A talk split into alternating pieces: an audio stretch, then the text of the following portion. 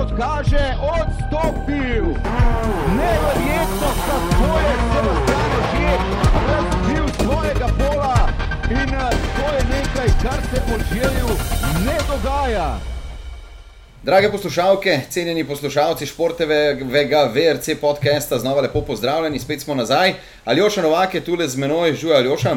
Lepo zdrav. Uh, klasična zasedba in uh, klasična dejanja, najprej kavica pred podcastom, da beseda in jezik stečeta, uh, zdaj pa debata o preteklem in prihodnem dogajanju, ne samo v VRC-ju, ampak o Reliju na splošno. In uh, če boste slišali zadaj kakšne dodatne zvoke, je to samo zato, ker je uh, tale ponedeljek, ko se vse skupaj snema v Ljubljani, precej nevihten, mi dva pa imamo odprta okna. Sem preveč povedal že, ne? Pa do, ravno dovolj, toliko kot rabijo vedeti. Skratka, uh, ja. Uh, Reli, ki prihaja, je zagotovo eden izmed tistih, ki ne samo, da, vsi, da ga vsi dirkači zelo težko pričakujejo, tudi vsi gledalci, mislim, da so kar na istem. Reli po finski, več o njem bova povedala v nadaljevanju, najprej se bova posvetila tistemu, kar je bilo, kar se je dogajalo v uh, preteklih, uh, oziroma zdaj lahko rečemo, že 14 dneh nazaj. Ja, že mislim, da že, če ni že tri tedne. Vidiš, kako uh, hitro beži čas. Uh, namreč uh, reli po polski, v bistvu določene uh, usporednice s finsko ima, pa spet ne toliko, ra, tista hitrost, uh, ki je značilna za oba, je recimo ena izmed usporednic. Ampak uh, Aljoša, najprej splošna ocena, uh, reli po polski, kako si ga ti videl? Ha, precej zanimiv razplet. Um, Vreme, predvsej veliko vlogo je odigralo v tej zgodbi na reliju po polskem, tako da končno tisti pravi reli po dolgem času, ker je vreme odigralo vlogo, ker je bilo poleg vsega štartne pozicije, tehničnih težav, tudi taktika, zelo pomemben del igre. Tako da zelo zahtevna dirka, tudi nepredvidljiva in pa predvsem izredno zanimiva rezultat naredil po polski. Je bila pa tista dirka, ki je dirkače res preizkusila, kaznovala in pa na končni fazi tudi nekatere nagradila. Tako da um, pravi reli po dolgem času. Zdaj, če pogledamo rezultatsko, je Tjerino Vil zmago tule v, na polskem. Še malce bolj zaprl prednost, ki jo je imel Sebastian, že približal se je na 11 točk, Zdaj 11 točk pa je že tista razlika, ker tudi ožje ni več uh, povsem meren na vrhu in tudi ne bo šlo več samo zgolj za zbiranje točk. Se strinjaš? Ja in ne, vendar sezona je še vedno sorazmerno, smo na polovici, sedaj se sicer prevešamo v drugo polovico, vendar to še ni tisti kritični del, zdaj Finska je tista zadnja nekako dirka pred pauzo, potem sledi pauza do Nemčije, kjer pa bo povsem druga zgodba, kot jo spremljamo sedaj na Makadamu. In mislim, da že ni pretirano nervozen glede tega, vemo, na uh, Finskem je sicer v preteklosti že zmagoval. Tako da v dobrem razpletu mislim, da se tudi tu lahko obeta, sigurno boj za zmago in pa kot si omenil, zbiranje točk. Mislim, da je to še vedno uh, name of the game za užija. Sam dobro ve, kako je postati svetovni prvak in tudi če zgolj zbiranjem točk, zakaj pa ne. Zdaj, uh, kar se tako tiče... tako je treba, da povemo, zbrati na koncu največ točk, na koncu sezone. Na kakšen način prideš do tega? Tisti je prvak, vej, ali z zmagami, ali pa z drugimi in tretjimi mesti. To je na koncu koncev je to nepomemben podatek. Važno, da imaš največ točk na koncu in v tem trenutku je že še vedno vodilni. In mislim, da bo še nekaj časa ostalo, tako če ne bo napravljeno na finskem, kakšne večje napake. Ajti, kot si že omenil, finska je ena iz teh najhitrejših dirk in vedno, vedno nepredvidljiva dirka in predvsem ne odpušča napak. Zdaj, če se vrnemo nazaj, že je imel že na polskem. Uh... Je kar nekaj bonusov pokoristil, lahko rečemo. Ja, dirka, Glede na to, da je bil tretji na koncu. Ja, pa tudi dirka, kjer je napravil kar nekaj svojih napak, ki pravzaprav za njih niso značilne. Uh, raznih takih manjših vrten iz letov iz ceste, to za njih ni značilno. To si on pre, zelo poredko si privošči te tako imenovane manjše napake, ki pa jih je plačal zelo poceni. Dobro, eno tisto, ko je izgubil potem sprednjim dobijač, ko je pokvarilo vse skupaj aerodinamiko dirkalnika, tam je bila izguba časa nekoliko večja, vendar na koncu, kljub vsemu, na računu vseh odstopov in težav drugih, je napredoval na tretje mesto in v bistvu bil zelo, zelo vesel tega tretjega mesta, kajti kazalo je v nekem trenutku, da bo končal celo na šestem mestu, kar pa bi bilo usodno za naslov prvaka, ampak na koncu je prišel do tretjega in tudi to je vrlina takšnih dirkačev, da na sila slabe dneve iz, izkoristijo in potegnejo veliki skupiček iz tega. Je pa na polskem zagotovo ekipni zmagovalec Hyundai. Skoraj da popoln reli je uspel. Ja, fantastičen rezultat. Ena, dve, malo je zmanjkalo. štiri, Malo je zmanjkalo za, za tisto trojko. 27 sekund. Sordo končal na četrtem mestu, kar kot vemo, ni bil ravno nikoli na teh super hitrih dirkah najmočnejši, vendar četrto mesto je fantastičen rezultat. V letošnji sezoni znova dokazal, da tudi na Makadamu sodi med najhitrejše. Pedon se je vrnil, to kar No, to je bilo naslednje vprašanje. Pedon je uh, pokazal, da zna in zmore.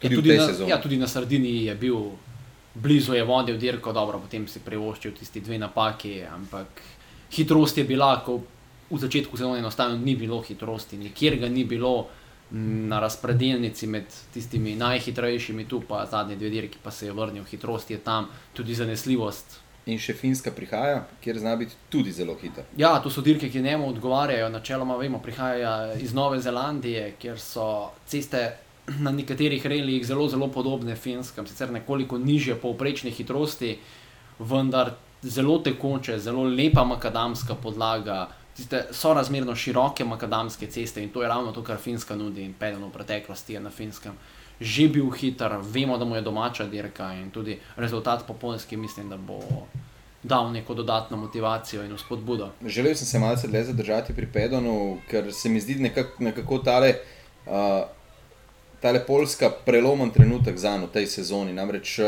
vemo, kaj se je vse dogajalo na uvodu, pa potem uh, upokojitev predčasna Johna Kennarda. Finska naj bi bila šele reli, ko naj bi se pri njemu začelo vse obračati z novim sovoznikom. Ampak se ti zdi, da sta se zdaj dokončno ujela in da bi to moralo biti to? Ja, sej, uigrana sta bila že prej, to, ki ti vemo, Pedon je izven svetovnega prvenstva upravljal tudi dirke nižjih eh, rangov, tako da se je z Sebastianom Maršalom uigral že predtem, tudi na testiranjih sta vedno delala skupaj, tako da mislim, da so voznik, kaj pa jim, tu ni imel kakšne bistvene vloge, ni se prvič usedel na dirki v dirkalni, tako da s Pedonom je delal že predtem, že v začetku sezone se je to vedelo, da bo Sebastian Maršal tisti, ki bo menjal Johna Kennarda, tako da uigranost sigurno je bila. Um, vendar potrebno je vedno nekaj dirk, da to pride do perfekcije in še nekaj jih bo potrebnih, kajti s Kennardom je sodeloval dolgo, dolgo leti. In... Bil je nekakšen reli oče. Ja, bil je tisti bolj izkušen sovoznik, ki ga je skozi začetno fazo njegove kariere, ko je iz novozelandskega državnega prvenstva, ki je sicer je močno prvenstvo, vendar gre v končni fazi le za državno prvenstvo, potem prestopil v Azijsko-Pacifiško prvenstvo in zelo hiter preskok na svetovno prvenstvo, tisti Pirellijev Star Driver, kjer je šlo za izbor mladih talentov, je Hayden Pedon prvič nekako naredil ime zase v tistih Pirellijevih Mitsubishih, ki so bili vsi enaki in tam je kar nekaj mladih fantov, tudi Tanak je iz te generacije, ki so prišli skozi to sito in tam je bil Kennard tisti, ki je nekako, kako bi rekel, Usmerjal. Ja, usmerjal, vodil ga skozi to. Eh, Kennard je že odprej imel kar nekaj izkušenj iz 80-ih let in 90-ih, ko je nastopal na posameznih dirkah svetovnega prvenstva in pa izven Nove Zelandije. Tako da tudi bistveno starejši je kot uh, oseba, tako da nekatere življenjske izkušnje je imel Pedonu nekako pomagal, kazal tisto pravo smer, vendar vsa takšna sodelovanja slej, ko prej pridejo k koncu, ko potem voznik enostavno preraste sovoznika. Um, pa tudi Kennard je imel zdravstvene težave, tako da je bila upokojitev zgolj vprašanje časa. Verjetno pa tudi to, da enostavno ni več funkcioniralo to skupaj, želel si je nek, nečesa novega. Um, sedaj- najbrž je tudi Kenner to sprejel z razumevanjem, saj ne na zadnje je izkušen in vse. Ja, to, kako so vozniki to sprejmejo, pa je drugo. Psst, da ne boš preglasen tukaj. ne, hecam se. Kar povej, Ja, zakaj ne bi bil preglasen, kar povej, da no, ja, Tudi ti imaš enega ob sebi včasih, ne? Ja, vedno imamo ob sebi sovoznika. Ja. Uh, Pustiva to temo. A misliš starejšega sovoznika? Ja, seveda. Ja, je starejši od mene, bistveno bolj izkušen. Da, da določeni trenutki, ko pride do nestrinjanj, sicer potem to nekako. Zdaj veš, zakaj sem Ja, želel. Dobro, se saj to ni, to ni. Um, oba veva s sovoznikom, da prihaja do določenih trenj, do določenih nestrinjanj, določenih drugačnih videnj na svet. Kajti moj sovoznik je mene 12 let starejši, drugače vidi svet, drugače razumeva dirkanje. In seveda, to je normalno, da pride do teh uh, medgeneracijskih razlik, sedaj pa kako pa jih premostiš, to pa je potem stvar dogovora in interesov, ali je še dovolj skupnega interesa, da se pot nadaljuje, ali pa pač enostavno greste vsak svojo pot. Vidim, da vam je uspelo vedno vse dobro zgraditi, glede na to, da še vedno vozite skupaj. Ja, skupni interes je še vedno tako močan, v končni fazi gre za enega bolj izkušenih sovoznikov pri nas in bolj zrelih za take izzive, kot sem si jih zadal. Malce sva uh, skrenila iz tistega, kar sem načrtoval za tale podcast, ampak uh, mi je čisto všeč, da sva tudi z drugega zornega kota po, uh, pokomentirala um, odnos voznik-sovoznik. Si pa omenil prej, ko si govoril o Pirelijevih Mitsubishi, še eno ime, ki sem ga želel um, potegniti na plano v nadaljevanju, Ojta Tanaka. Uh, zelo, zelo dobro mu je kazalo na polskem, pa potem um, napaka, njegova napaka in uh, praktično ničla. Ni bil videti pretirano razočaran. Se ni imel razloga, da bi bil, dobil je ukaz, verjetno zjutraj od Wilsona osebno, naj gre na polno, naj tvega vse, kar ima, kaj ti vedel je. Bila sta tako zelo skupaj z novilom, vedel je, novil bo pritisnil. Vendar novil je imel tisti procent, morda promil, koliko, to ne vem koliko rezerve. Kajti prva hitrostna preizkušnja zjutraj, ko sta vsem skoraj sekundo na kilometr očitala lekcijo, je bil še tanak, še dodatne 3 sekunde hitrejši od novila, že tam je bilo jasno, da vse ali nič in enostavno pri takšnem divjem načinu vožnje enostavno prak. Skoraj nemogoče, da se izide pri takšnem tveganju v tako zahrbtnih razmerah, kot so vladale v nedeljo v tistem deževnem dopolednevu. In Tanak je bil tisti, ki je plačal ceno, novil je verjetno imel nekoliko več rezerve, vendar ob upoštevanju, da Tanak bo tvegal vse. In tvegal je in izgubil to tveganje. To je, Povsem je razbil Fiesto. ja, to je bilo, pač dobil je ukaz, go for it. In To je- Šel je po to, šel je po zmago, želel si jo je, pokazal je, da je sposoben na dolžino ene, mogoče dveh hitrostnih preizkušenj biti celo najhitrejši na svetu, vendar igro živcev je dobil terenovel. In s tem se, kot smo že omenili, močno približal um, Sebastianu Ožeju, ki je bil tretji. Uh, ta igra živcev bo najbrž tudi na finskem zelo pomembna. Jaz sem zdaj spremljal, uh, oziroma v petek uh, smo že dobili ta uh, VRC magazin. Uh, ena zanimiva izjava, ki najbrž uh, se nanaša tako na Polsko kot na Finsko, je bila notri. Ne? Ko enkrat narediš na finskem napako, za te regli dve pravilo več ne obstaja. Ja, gre za hitre dirke in tudi nesreče s tem so pač povezane, so toliko hujše, tista prevračanja, tisti udarci, vse skupaj je toliko hujše in seveda dirkalniki so toliko bolj poškodovani. Zato načeloma ni pravila Rejli 2, vendar se je zelo odvisno, kakšen incident si privoščiš. Ne. Če si takšnega, kot si ga je užil lani, ko je ostal zakopan v enem od kanalov, pač dirkalnik potegneš ven, nadaljuješ naslednji dan, če pa prevališ preko strehe večkrat pri recimo 150 km/h, pa je vse skupaj nekoliko težje. in Seveda gre za zahtevne, gre za super hitre dirke, ki načeloma ne odpuščajo napak. Obro, Poljska je glede tega še toliko hujša, kajti ceste so res super ostke, medtem ko na finskem nekoliko širše cestišče, vendar se da. Linije grejo od roba do roba, idealne linije, tisti, ki bo vozil prvi, to je v prvem dnevu že, ne bo pustil milimetra ceste neporabljenega in seveda, da ob taki liniji, ko grejo vsi vozniki na mojo, da ti nekoliko preveč tvegaš, se linije potem zmanjka, takoj te čaka kanal, drevesa, skale in vemo, tiste znamenita prevračanja in vse skupaj znano iz preteklosti. Mislim, da komentar ni potreben. Uh, še trenutek ali dva bova na polskem. Um, zagotovo fantastičen reli Stefana Lefebvra, rezultatsko. Peto mesto je odličen rezultat za. Suni nam potrjuje, da je um, pravo ime na tovarniškem sedežu Toyote. Potem pa On je uh, v Fordu, uh, uh, v privatni festi. privatni festival, tako je, da je pravo ime za prihodnost uh, tovarniškega sedeža. Najbrž da pri M-sportu se zna zgoditi? Ja, odvisno je, Suninen zelo svoja zgodba, je, vemo, zbra, zbral je denar s sponzorji, da si je plačal te dve dirki, torej Polsko in pa Finsko. In No, do- ampak rezultat je. Je fantastičen, na petem mestu se je držal, potem v koncu dirke na Power Stageu šele napravil napako, se zavrtel in izgubil boj s Stefanom Lefevrom, vendar tudi zmaga na hitrostni preizkušnji že na debiju. Tako da Ker treba je pogledati, kdo je bil za njim. Ne? Super dirka, za res fantastične predstave, dobro, ogromno, ogromno. Nekaj tistih malih napak je bilo, ki jih bo moral odpraviti, in če bi odpravil vse tisto, bi se sigurno potegoval še za višji rezultat in že v prvem poskusu v VRC dirkalniku dokazal, da gre za nadarjenega fanta, tudi Lefevre. Dobra, dobra predstava, edini, edina svetla luč v Citroenovi predstavi. In enostavno- Mikkelsen ni Ja. bil tak, kot smo ga pričakovali. Ja, ne more enostavno s premalo testnimi kilometri, praktično nima testnih kilometrov. in Dirkalniki so očitno, se kaže, Citroenov dirkalnik zelo, zelo težko nastavljiv. In uh, z enim testnim dnevom, praktično Mikkelsen ni imel nobene možnosti, da bi sploh si nastavil pravilno dirkalnik in bil hiter. Vendar videli smo tekom dirke, je ogromno napredka nared- naredil z inženirji, tudi proti koncu so bili časi Mikkelsna zelo, zelo vzpodbudni.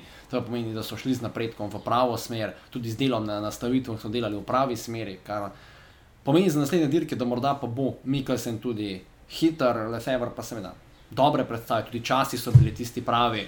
In tudi delo z nastavitvami se je videlo, da gre v pravo smer, napredek na časih je bil viden skozi celotno dirko.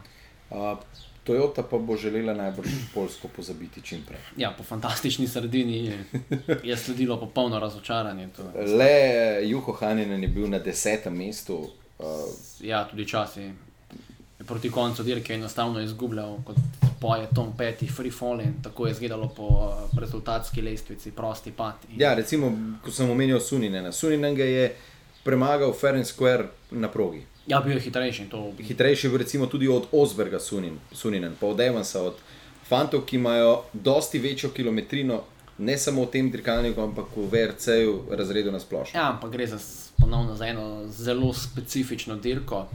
Tudi štartna pozicija Tima Sunjena je bila zelo optimalna, to, to, to treba poudariti. In pa specifična dirka, ker fantje nekaterim res paše, drugim ne. In Sunjen je že v preteklosti dokazal, da mu Poljska in takšne super hitre dirke niso tuje. In očitno je imel dobro samozavest, da je to izkoristil, tudi razmere so bile težke, in, ampak v težkih razmerah se pokaže, kdo zna dobro peljati. In Sunjen je dober voznik, vendar tudi sama dirka je bila taka, takšna, ki mu paše. Vprašanje je, kako bi se znašel, recimo, če bi bila prva dirka za njim v tem dirkalniku, naprimer v Nemčiji. To bi bilo pa potem vprašanje. Ampak vse to, kar si omenil, ne zmanjšuje vrednosti njegovega rezultata. Prav nič, vendar so pa, pač treba je to omeniti.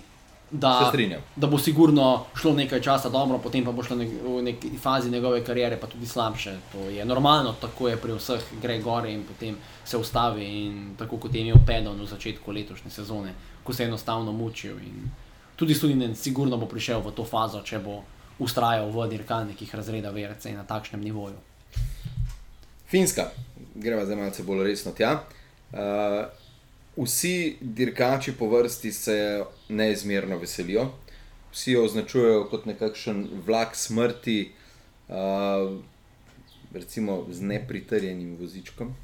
Uh, in uh, dejansko prva stvar, na katero sem pomislil ob letošnji Finski, je, hm, Lani je padel rekord poprečne hitrosti, letos so dirkalniki še močnejši, še aerodinamični. Kaj bo potem letos? Verjetno bo padel nov rekord, razen če bodo postavili šikane, tako kot so jih na Polskem, ko je vsaka hitrostna preizkušnja imela kar nekaj umetnih šikan, ravno zaradi teh velikih povprečnih hitrosti in mislim, da tudi na Finskem ne bo nič drugače. Bojo šli na šikane, Ja, ne bojo tvegali. Definitivno, kajti po, nekako je dogovorjeno, koliko je tista povprečna hitrost, tista meja nekje okrog 130 km/h. Cer nikjer ni pisanega pravila v zvezi s tem, vendar so nepisana pravila in dogovori sa strani FIE, tako da že na polskem so to iz preventive izvedli, tudi na švedskem so imeli s tem težave in na finskem ne bodo tvegali. Vrača se Kris Mik, eh, zato ga omenjam, ker je lansko letni zmagovalec. Uh, zdaj ne vem, o Krisu Miku govoriti je težko, kajti hiter je, finska mu ustreza, ampak kaj se dogaja z njim, je pa res neverjetno. Ja, kaj vem, sedi v dirkalniku, ki je sila težak za voziti in težko nastavljiv. In on mislim, da ni, ne mislim, v bistvu to je dokazano, ni človek za takšen izziv.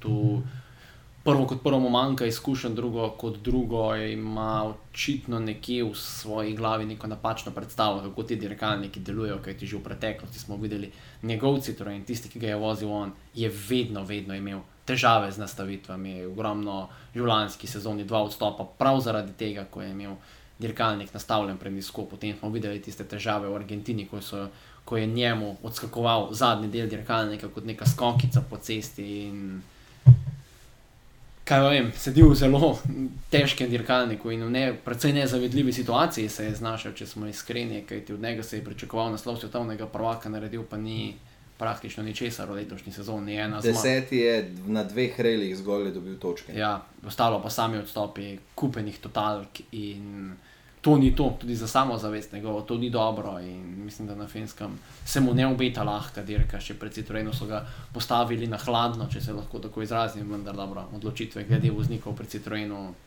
Sila čudne v letošnji sezoni, zakaj na finskem, recimo, ni Stefana Lefebvre, je dobro vprašanje. Pa eden boljših, pravzaprav najboljši rezultat v zadnjih kar nekaj dirkah, jim je pripeljal.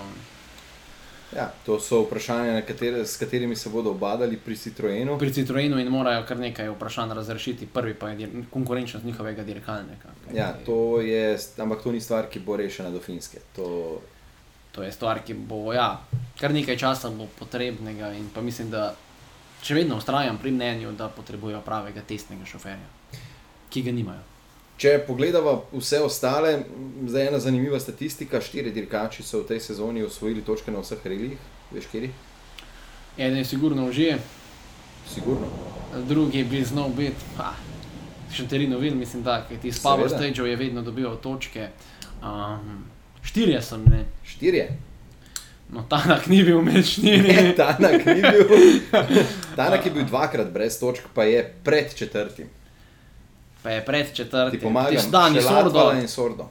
Latva, ja, seveda, Latva je dobil Latva tudi, ja, tudi, tudi, na Pols ja, tudi na Polskem je dobil točke, se je pa odstopil, je potem na Power Stage dobil točke in pa sordo, definitivno. In prvi tri je dejansko, um, dobro, prva dva sta z majhnim razmakom, potem pa tretje in četrto mesto.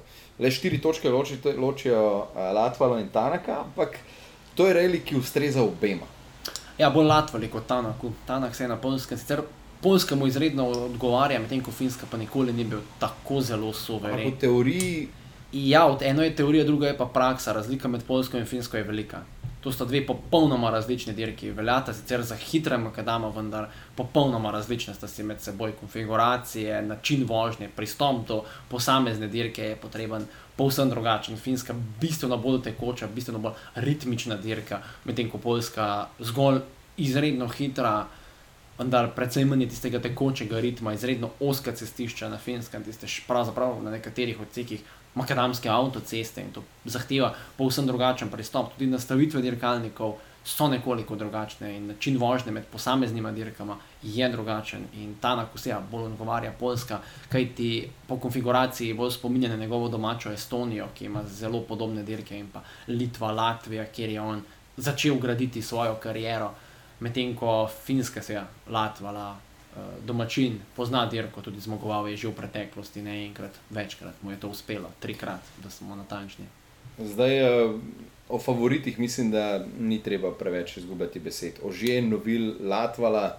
Uh, potem Mika bi vseeno lahko. Definitivno ob dobrem razpletu, če bo dirkalnik deloval tako, kot si bodo zamislili, mislim, da je tudi glava ni obremenjena več z naslovom, kajti v tem trenutku je v tako zelo izgubljenem položaju, da je to brezpredmetno sanjati o tem. Tudi dirkalnik se je izkazal, da ni na vseh razmerah konkurenčen in če bi ga vsaj za Finsko nastavili, potem ja, lahko je konkurenčen, tudi štartna pozicija bo dobra.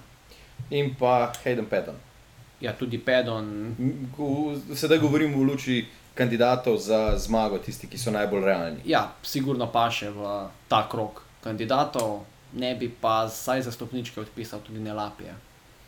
Točno. Na sem kar malce pozabil, to predvsem zato, ker je na, na polskem, uh, oziroma Bil je prisoten. Poljskem bil prisoten, ampak uh, Ja, tista težava, tisti čuden odstop, dobro, tehnična težava, ko je poškodoval uh, podvozje svojega dirkalnika in potem iz neznanega razloga ni mogel nadaljevati. Vendar razlog je, kot sem že omenil, v prenosih, verjetno ponovno prototipni dirkalnik, ki ga vozi in niso imeli rezervnih delov. kajti Že na sredini so na Lapijevem dirkalniku poizkušali komponente, ki jih bodo uporabljali v prihodnje, in verjetno so imeli izdelano zgolj eno komponento, tisto, ki je bila na dirkalniku in se jim je poškodovala. In seveda niso imeli zamenjave in relija dve za ni bilo. To je najbolj logična razlaga, kajti poškodba tiste vilice da enostavno ni tako huda, da ne bi morali zamenjati. To, pač.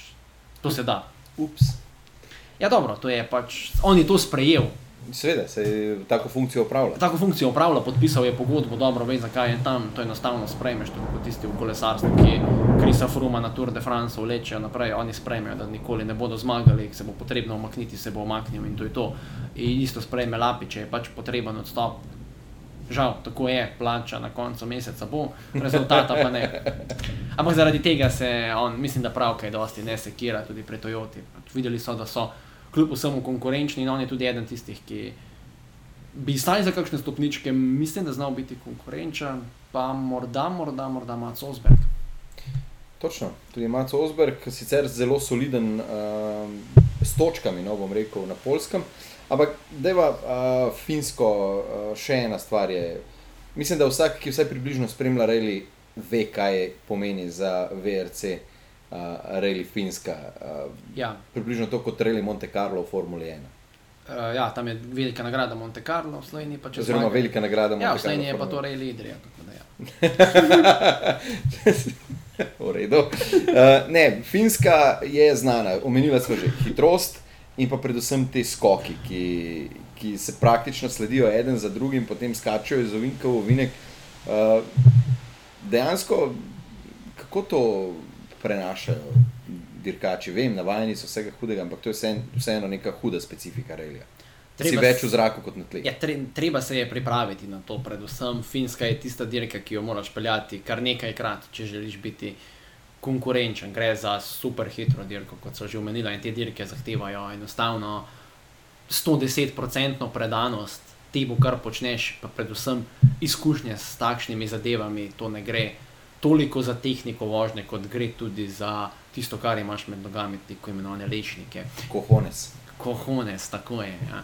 In um, se, ja, tisti, ki so večkrat peljali, so s tem seznanjeni tudi s konfiguracijo samih hitrostnih preizkušenj in pa s specifičnimi hitrostnimi preizkušnjami, dotično hitrostno preizkušnjo je peljal že večkrat in seveda navadiš se, kako je treba te prevale, ko skačeš pravzaprav po šrek preko njih, kako jih vzeti, tudi kako napisati že v samih zapiskih to, oceniti te prevoje, prevale, kakorkoli jih imenujemo, na katerih bo skočilo daleč, na katerih ne, kje so tiste nevarne kompresije, kjer je potrebno paziti zaradi pristanka, potem tudi kako se bo sam skok obnašal, ali bo dirkalnik postavilo na klun ali bo lepo pristal. To se, vse to se dobi z izkušnjami in pa s tem, koliko krat si to že odpeljal, si pogledaš lanske posnetke in vse skupaj je bistveno lažje. Tako da je ena tistih dirk, ki je pač kjer so pač potrebne izkušnje, tisti finci, ki pa vozijo, recimo SAP, ki bo to peljal prvič z VRC dirkalnikom, pa ima izkušnje iz, seveda, iz svoje mladosti, ko je na takšnih cestah se učil voziti, tudi svoje začetke reli kariere je imel na finskem, bil v končni fazi, še vedno ostaja najmlajši finski državni prvak in pa to mu je domače.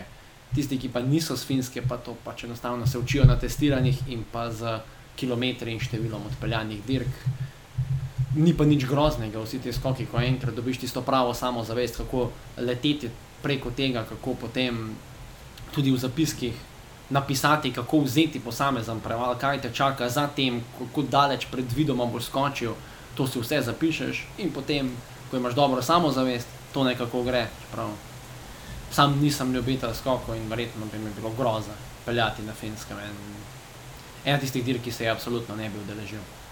Zdaj, redki so ne Finci, ki so zmagali na finskem, in to je tudi ena dodatna fama. Uh, kot tujec zmagati na finskem je bil vedno izziv. Ja, včasih je bilo to še toliko teže, kajti vseh teh testiranj, treningov, vožnje in vsega je bilo bistveno manj. Danes vsi dirkači, kot vemo, hodijo na tečaje, dirkanja. Tudi svetovni prvaki imajo svoje mentore, ki jim pomagajo. Kljub temu, da je že svetovni prvak, ima nekoga, s katerim gre na test, gre na trening in mu povedo še neke stvari, ki jih sam ne vidi, kaj dela na robe. In to mu nekdo pove. In, čas, in se, ja, osnova tega je, greš na Finsko. Vsi se hodimo učiti v finske šole, relija, po zimi na sneg, poleti, poleti na makadam. To je nekako praksa tisti, ki smo kdaj hodili in še hodimo v redi šole, je to na finskem, tam so najboljše redi šole, najboljši trenerji. In se je to se je nekoliko zmanjšala, ta finska dominacija v zadnjih letih. Včasih je bilo tega bistveno manj in seveda Finci so bili v prednosti domačega terena. In uh, ja, zdaj dva finca sta, ki dejansko lahko rešita finsko čast na letošnjem reliju po finski. Ja, realno je še Juho Haninen. Dobro, ampak Juho Haninen Ja, načeloma ne- rezultatsko, Načeloma ne paše v tisti krug. ampak Lapi in uh, Latva. Predvsem od Latvale se pričakuje. Ja, ne, ne na zadnje, od uh, zadnjih treh finskih zmag na finskem so vse tri njegove. Ja, res je. Pred njim pa Miko Hirvonen. Oz, ja, Miko Hirvonen. Potem pa je. še Marko z Gronholm. Ja. Pa če gremo nazaj, še Veliko jih- Kankunen, Veliko jih je bilo.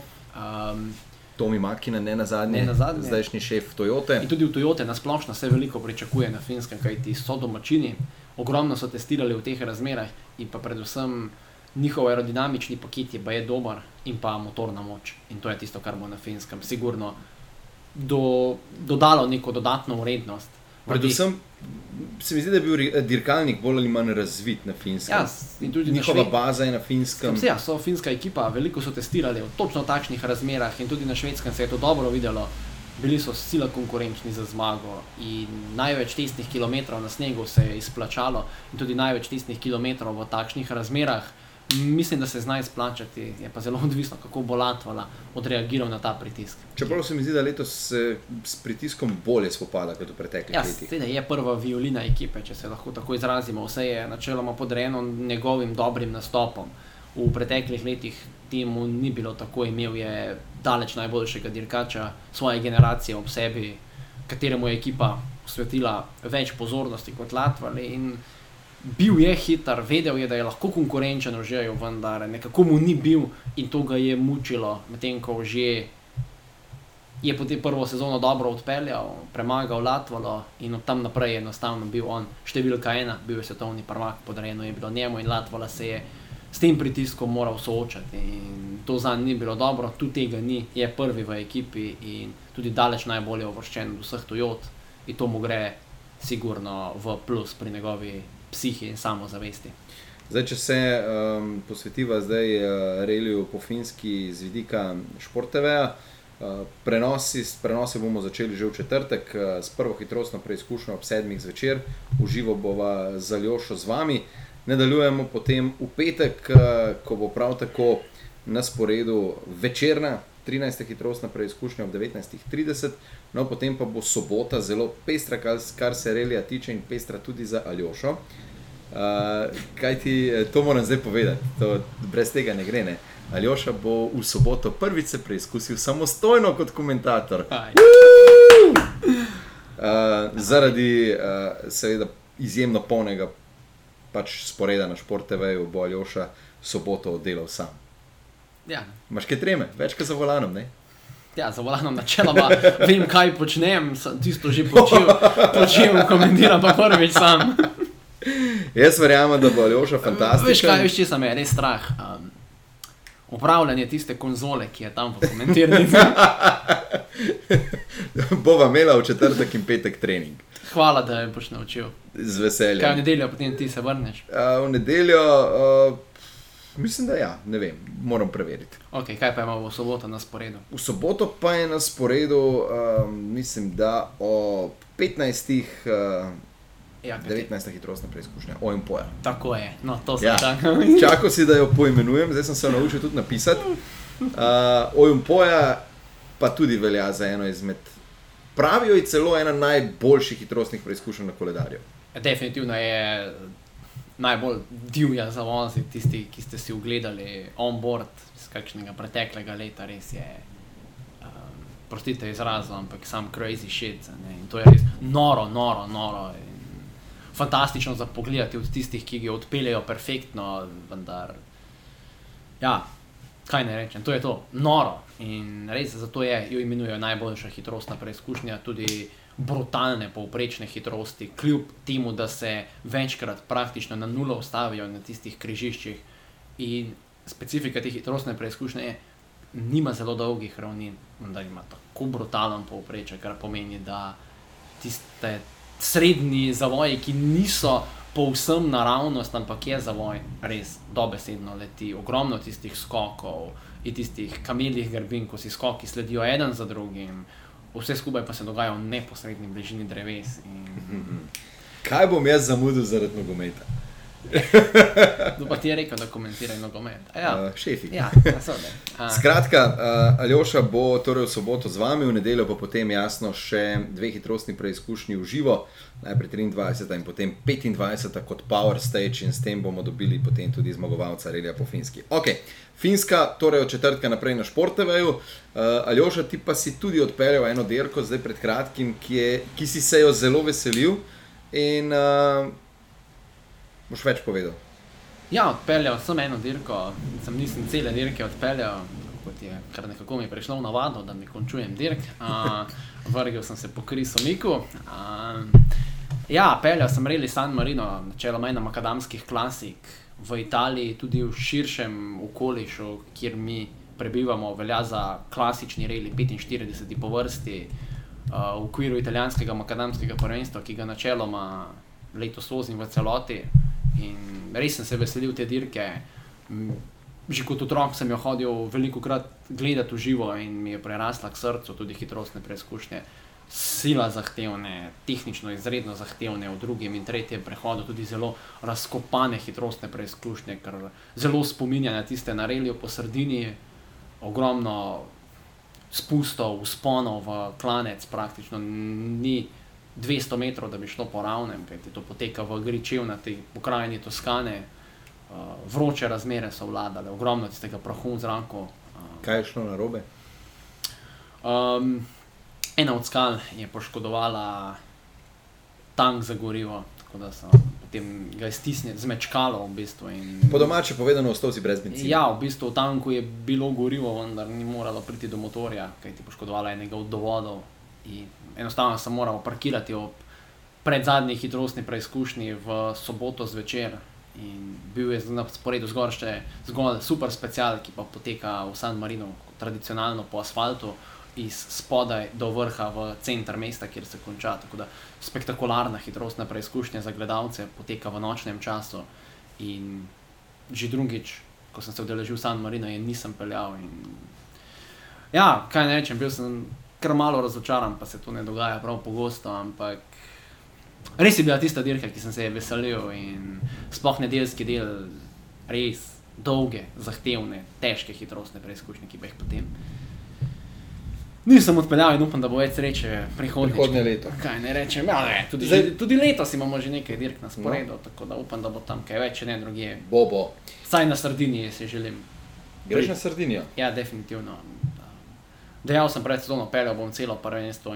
Italijansko, ja. Italijansko, makadamsko in ga bom odpeljal. In tudi na Sardinijo, kjer je dirka v koncu septembra, se bom odpravil in želim si odpeljati dirke. In če sem obljubil vsem, ki podpirajo ta projekt, ga bom izpeljal. Zdaj, državnega prvenstva nimamo kaj dosti za omenjati, ker ti zdaj je na dolgem odmoru, skoraj da. Pff, dvomesečnem. Tako je, ja. celoten julij in pa celoten avgust. Treba je na dopust.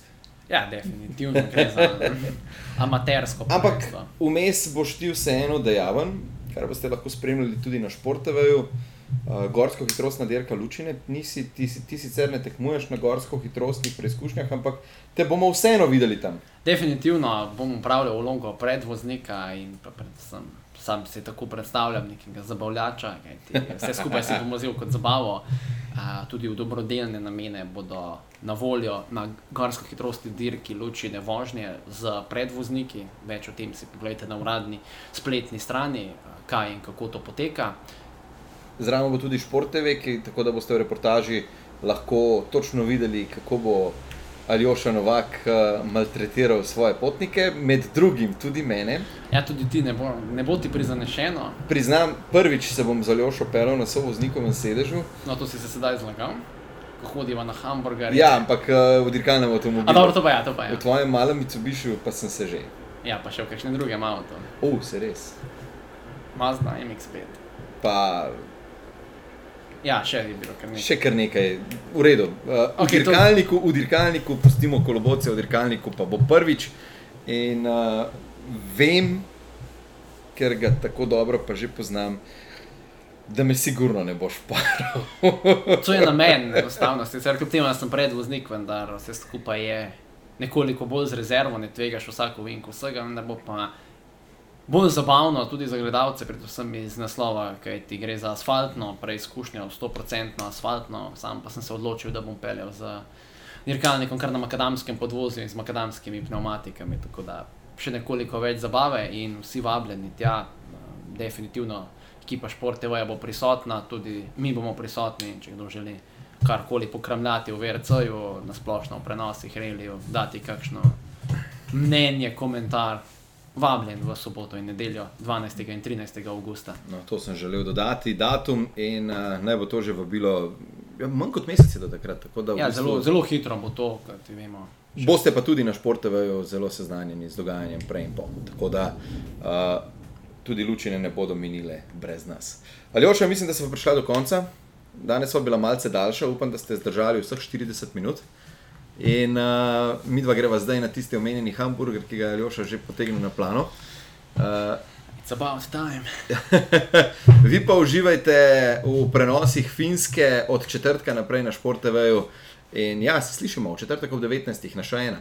Tako je, hvala za pozornost in that's all, folks. Uh,